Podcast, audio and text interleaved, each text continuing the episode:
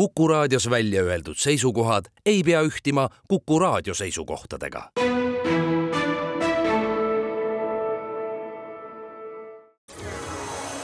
loodusajakiri, vaata ka looduseajakiri.ee. tere, head õhtu jätku kõigile teile, head Kuku raadio kuulajad. täna on saates külas Eesti Looduse toimetaja Katre Palo, tere Katre! tere! mina olen saatejuht Tiia Rööp levinud arvamus on, et meil siin Eestimaal vett jagub.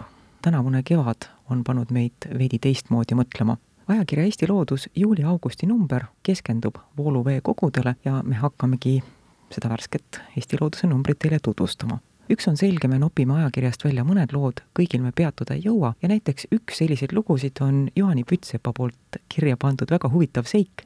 sellest saab teada, tänu kellele on Eesti Rahvaluule arhiivis vanasõna, kes kalu kätega püüab jätame selle teile ajakirjast ähm, leida ja lugeda, nii palju ütleme, et see vanasõna on üles kirjutatud Väike-Maarja kihelkonnas tuhande kaheksasaja üheksakümnendal aastal. kelle üleskirjutus see on? see on üllatav. aga jõuame nüüd esimese ajakirja numbrit läbiva teema artikli juurde. selle autoriks on keskkonnaspetsialist Karl Kupits. tema on üks veemajanduskavade autoritest ja ta kirjutabki veemajanduskavadest tegemist on väga mahukate dokumentidega ning mulle jäi silma see, et praegu koostatud veemajanduskavad on meil kolmandad, kui esimest veemajanduskava koostati, siis hinnati et, et seitsekümmend viis protsenti meie veekogudest on heas või väga heas seisundis. nüüd on sellest kaksteist aastat mööda läinud ja praeguse hinnangu järgi on kuuskümmend protsenti meie veekogudest heas või väga heas seisus. kuidas selline tagasilangus? Karg-Kupits äh, ka selgitab tegelikult seda oma loos, et miks see siis nii on äh, läinud.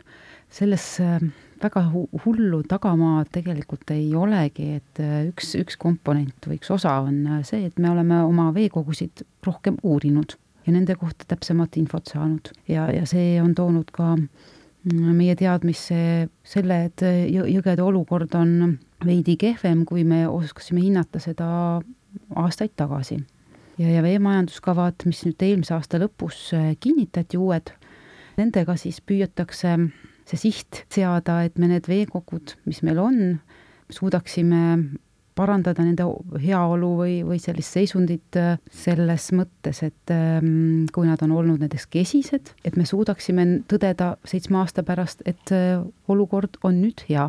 loomulikult on sellel skaalal ka väga hea mõõde, aga selliseid veekogusid meil on väga vähe, need on põhimõtteliselt äh, inim, inimtegevusest puutumata veekogud. Karl ise rõhutab, et ei ole nüüd äh, päris selline kindel eesmärk, et me peame lausa väga head seisundit taotlema, et meie jaoks on see hea seisund ka väga hea tegelikult. nii et meil on nüüd see tänasel hetkel veidi vähem äh, neid veekogusid, mida me saame nimetada hea seisundiga veekogusid, ei ole ehk nii hull olukord, aga, aga see te-, need tegevused, mis meid nüüd äh, ees ootavad, et, et ülejäänud veekogud ka sellesse heasse seisundisse saada, neid tegevusi on tõesti väga palju ja jah, ütleme siis väljakutse on päris suur. veekogu hea seisund, minu jaoks isegi veidi laialivalguv mõiste, mida see tegelikult tähendab, mida see endas kätkeb selles on mitu sellist komponenti, et ei ole ainult see, et äh, vee enda kvaliteet peab olema siis mingites piirides, siin on ühtlasi, vaadeldakse ka kalade olukorda, taimestikku, selgrootute liigilist mitmekesisust, aga ka veekogu enda füüsiliste näitajate looklevust ka ja, ja vee hulka. Loomulikult ka, et, et me ei saa jah, rääkida ainult sellest, et milline on vee enda keemiline koostis et see on palju laiem, haarates ka endasse looduslikku mitmekesisust.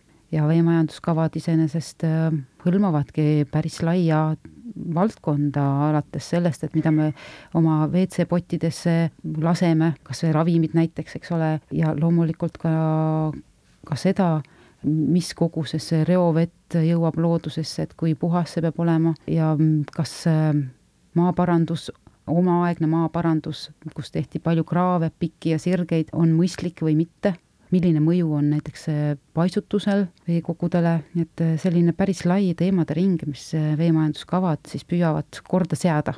Lehitseme ajakirja Eesti Loodus juuli-augusti numbrit edasi ja siit leiab väga hea ülevaatliku infograafika, mis ähm, kirjeldab, milline oli mullune ränk põud Euroopas. Jah, meie eelmise aasta kevad ja, ja suvi igal pool Euroopas pani inimesed ikka väga sellisesse raskesse olukorda, et tuli taluda neid kuumalaineid, mis olid päris pikad ja, ja siis tulid järsku suured paduvihmad, mis samamoodi nõudsid või segasid siis sellist tavapärast elu, aga no loomulikult ei olnud inimene ainus, kes siis kannatas kõigi selle all, et ka paljud suured jõed, nende veetase langes oluliselt, mõned kohati lausa kuivas äh, põhjani ära, mis tähendas loomu-, et ka elustik ju hukkus. ja, ja noh, äh, muidugi inimene tajub seda ehk kõige no ütleme siis äh, traagilisemalt, et äh, peavad ära kaubaveod suurtel veekogudel, vooluveekogudel, jõgedel, tõusevad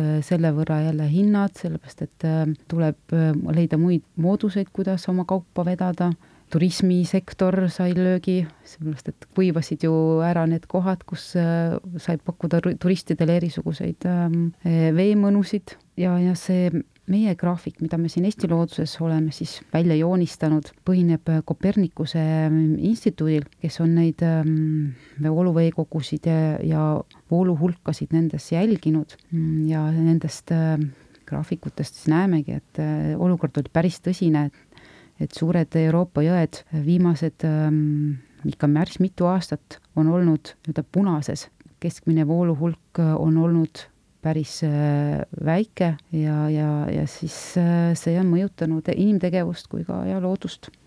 järgmiseks leiab ajakirja Eesti Loodus juuli-augusti numbrist ülevaate, kust algavad Eesti jõed. selle artikli autorid on Arvo Järvet ja Raivo Aunap. seda lugedes sain ma aru, et võib-olla selline natukene romantilise hõnguga ettekujutuse, et jõed saavad alguse puhtast allikast, ürglooduse rüppes, et see ei ole sugugi nii. Meil kahjuks ei ole jah, neid näiteid väga palju võtta, kuigi siiski leiab, leiab ka selliseid jõgesid, mille lätte, lätet me saaksime siis defineerida mõne allikaga, aga paraku on, oleme me aegade jooksul oma veevõrku väga palju muutnud, õgvendanud, kraave rajanud, sirgemaks teinud lõike, ka mõned kanalid rajanud, mis ühendavad mitut veekogu, vooluveekogu praegu me saame, tuginedes siis äh, Eesti topograafilisele andmekogule, saame siis äh, välja tuua selle tõsiasja, et enamik meie jõge, jõgede algusi on, algavad kraavidest, mis on siis te, põhimõtteliselt tehisveekogu. inimene on seda ise sirgeks ajanud, kaevanud, sügavamaks teinud vaatame, mida veel saab lugeda ajakirja Eesti Loodus juuli-augusti numbrist. geograaf ja keskkonnateadlane Arvo Iital kirjutab meie vooluveekogude vee kvaliteedist, keskendub ta lämmastiku ja fosfori sisaldusele. kohe artikli alguses Arvo Ital sedastab, et tööstusettevõtetest ja asulatest pärit punktreostus on viimase kolmekümne-neljakümne aasta jooksul märgatavalt vähenenud, aga endiselt on murekohaks hajusreostus ja seal tuleb vaadata ka põllumajanduse poole, kust see pärit on. Jah, see lämmastik ja fosfor on need põhilised äh toitained, mis mõjutavad äh, veekogude tasakaalu. Arvo Iitali loo lugu võiks olla selline hea laiendus veemajanduskavade loole ja tuues siis äh, siin välja selle põllumajanduse osa, paratamatult äh, kui me harime maad, kasvatame vilja, kartulit, siis me lisame ka väetisi ja, ja kui seda saab liiga palju, siis see kandub veega kas põhjavette, vooluveekogudesse. Siin äh, tuleb olla väga arukas väetamisel, et me seda tasakaalu suudaksime hoida, et aegread paraku näitavad, et, äh, et lämmastiku osas me ikkagi ei ole sellist äh, head tasakaalu suutnud saavutada, et need lämmastikukanne siis merre jõgedega on siiski aja jooksul aina suurenenud saame ainult rõõmu tunda, et fosforiga on olukord teistpidi, et see on aja jooksul, fosforikanne Läänemerre on aja jooksul vähenenud, aga mure, mure loomulikult Läänemere olukorra pärast on päris terav. mida veel leiab ajakirja Eesti Loodus värskest numbrist? Eesti keele ajaloo ja murete professor Karl Pajusalu kirjutab vooluveekogudega seotud sõnadest meie keeles. on siin vaatluse all sõnad oja ja jooks ja vool ja jõgi ja juga Martin Tikk kirjutab rubriigis Tegutse teadlikult, kuidas kodumajapidamised reovett mõjutavad ning Katrin Kaldma, Põlula kalakasvanduse ebapärlekarbi spetsialist, kirjutab põnevast ja haruldasest ebapärlekarbist. ja sellest loost lõppsõna, lõpulõik jättis mind küll väga pikalt järele mõtlema. see sõnum, mille Katrin on sinna kirja pannud Eba Pärli-Karp on väga huvitav äh, tegelane ja et seda lugu ma soovitan kindlasti kõigil äh, lugejatel lugeda, et ta on väga hämmastavalt äh, omapärane liik ja, ja paraku teades, et kui pikalt ta on maakeral vastu pidanud, ellu jäänud miljoneid aastaid ja, ja tema olukord nüüd on aina kehvemaks läinud tema elupaikasid on, vajalikke elupaikasid on vähenenud, nii et selles mõttes on see lõpulõik, et mida me siis, inimene on tõesti nii halvasti teinud, et, et nüüd on jõudmas kätte olukord, kus ebapärlikarp ei suuda enam vastu panna nendele muutunud oludele seda liiki on päris äh, põhjalikult uuritud, mistõttu me teame tema väga huvitavat äh, elutsüklit äh, ja, ja seda õnnestumiste rada, et tema järglased kasvaksid lõpuks su suureks ja suudaksid ka ise järglasi anda, nii et see liik kindlasti on selline indikaator, mis, mida loodus ise suudab teha ja mida inimene kindlasti enda tegevuses peab muutma, et ka liigirikkus meil oleks. Selle ajakirjanumbri intervjuu on tehtud kalateadlase Meelis Tambetsiga. temaga ajas juttu Toomas Kukk. Kadri Aller kirjutab sellest, kuidas Mehhikos talguliste abiga merikilpkonni päästetakse. Mait Sepp ja Taavi Pae aga tutvustavad Viru Jaagupi kihelkonda mükoloog Irja Saar kirjutab kivipuravikust aastaseenest ja ma olen tähele pannud, et kui me oleme võtnud ette terve ajakirjanumbri tutvustamise, siis aeg saab otsa enne seda, kui me jõuame Rajakaamera lugudeni. me suurt ei jõua rääkida sellest, mida Arne Ader on kirja pannud ja mida ta näitab Rajakaamera lugudes. pean ütlema, et need on minu jaoks ühed lemmiklood, mulle nad väga meeldivad. sel korral tutvustab Arne Ader nii pildis kui ka sõnas oma tähelepanekuid musträstaste pereelu kohta Arne Ader on meile jah kirjutanud juba igas äh, numbris mõne põneva loo, mida ta läbi oma rajakaamera on näinud, ta jälgib enamasti helinde ja, ja seekord on meil äh, musträstad siis äh, fookuses.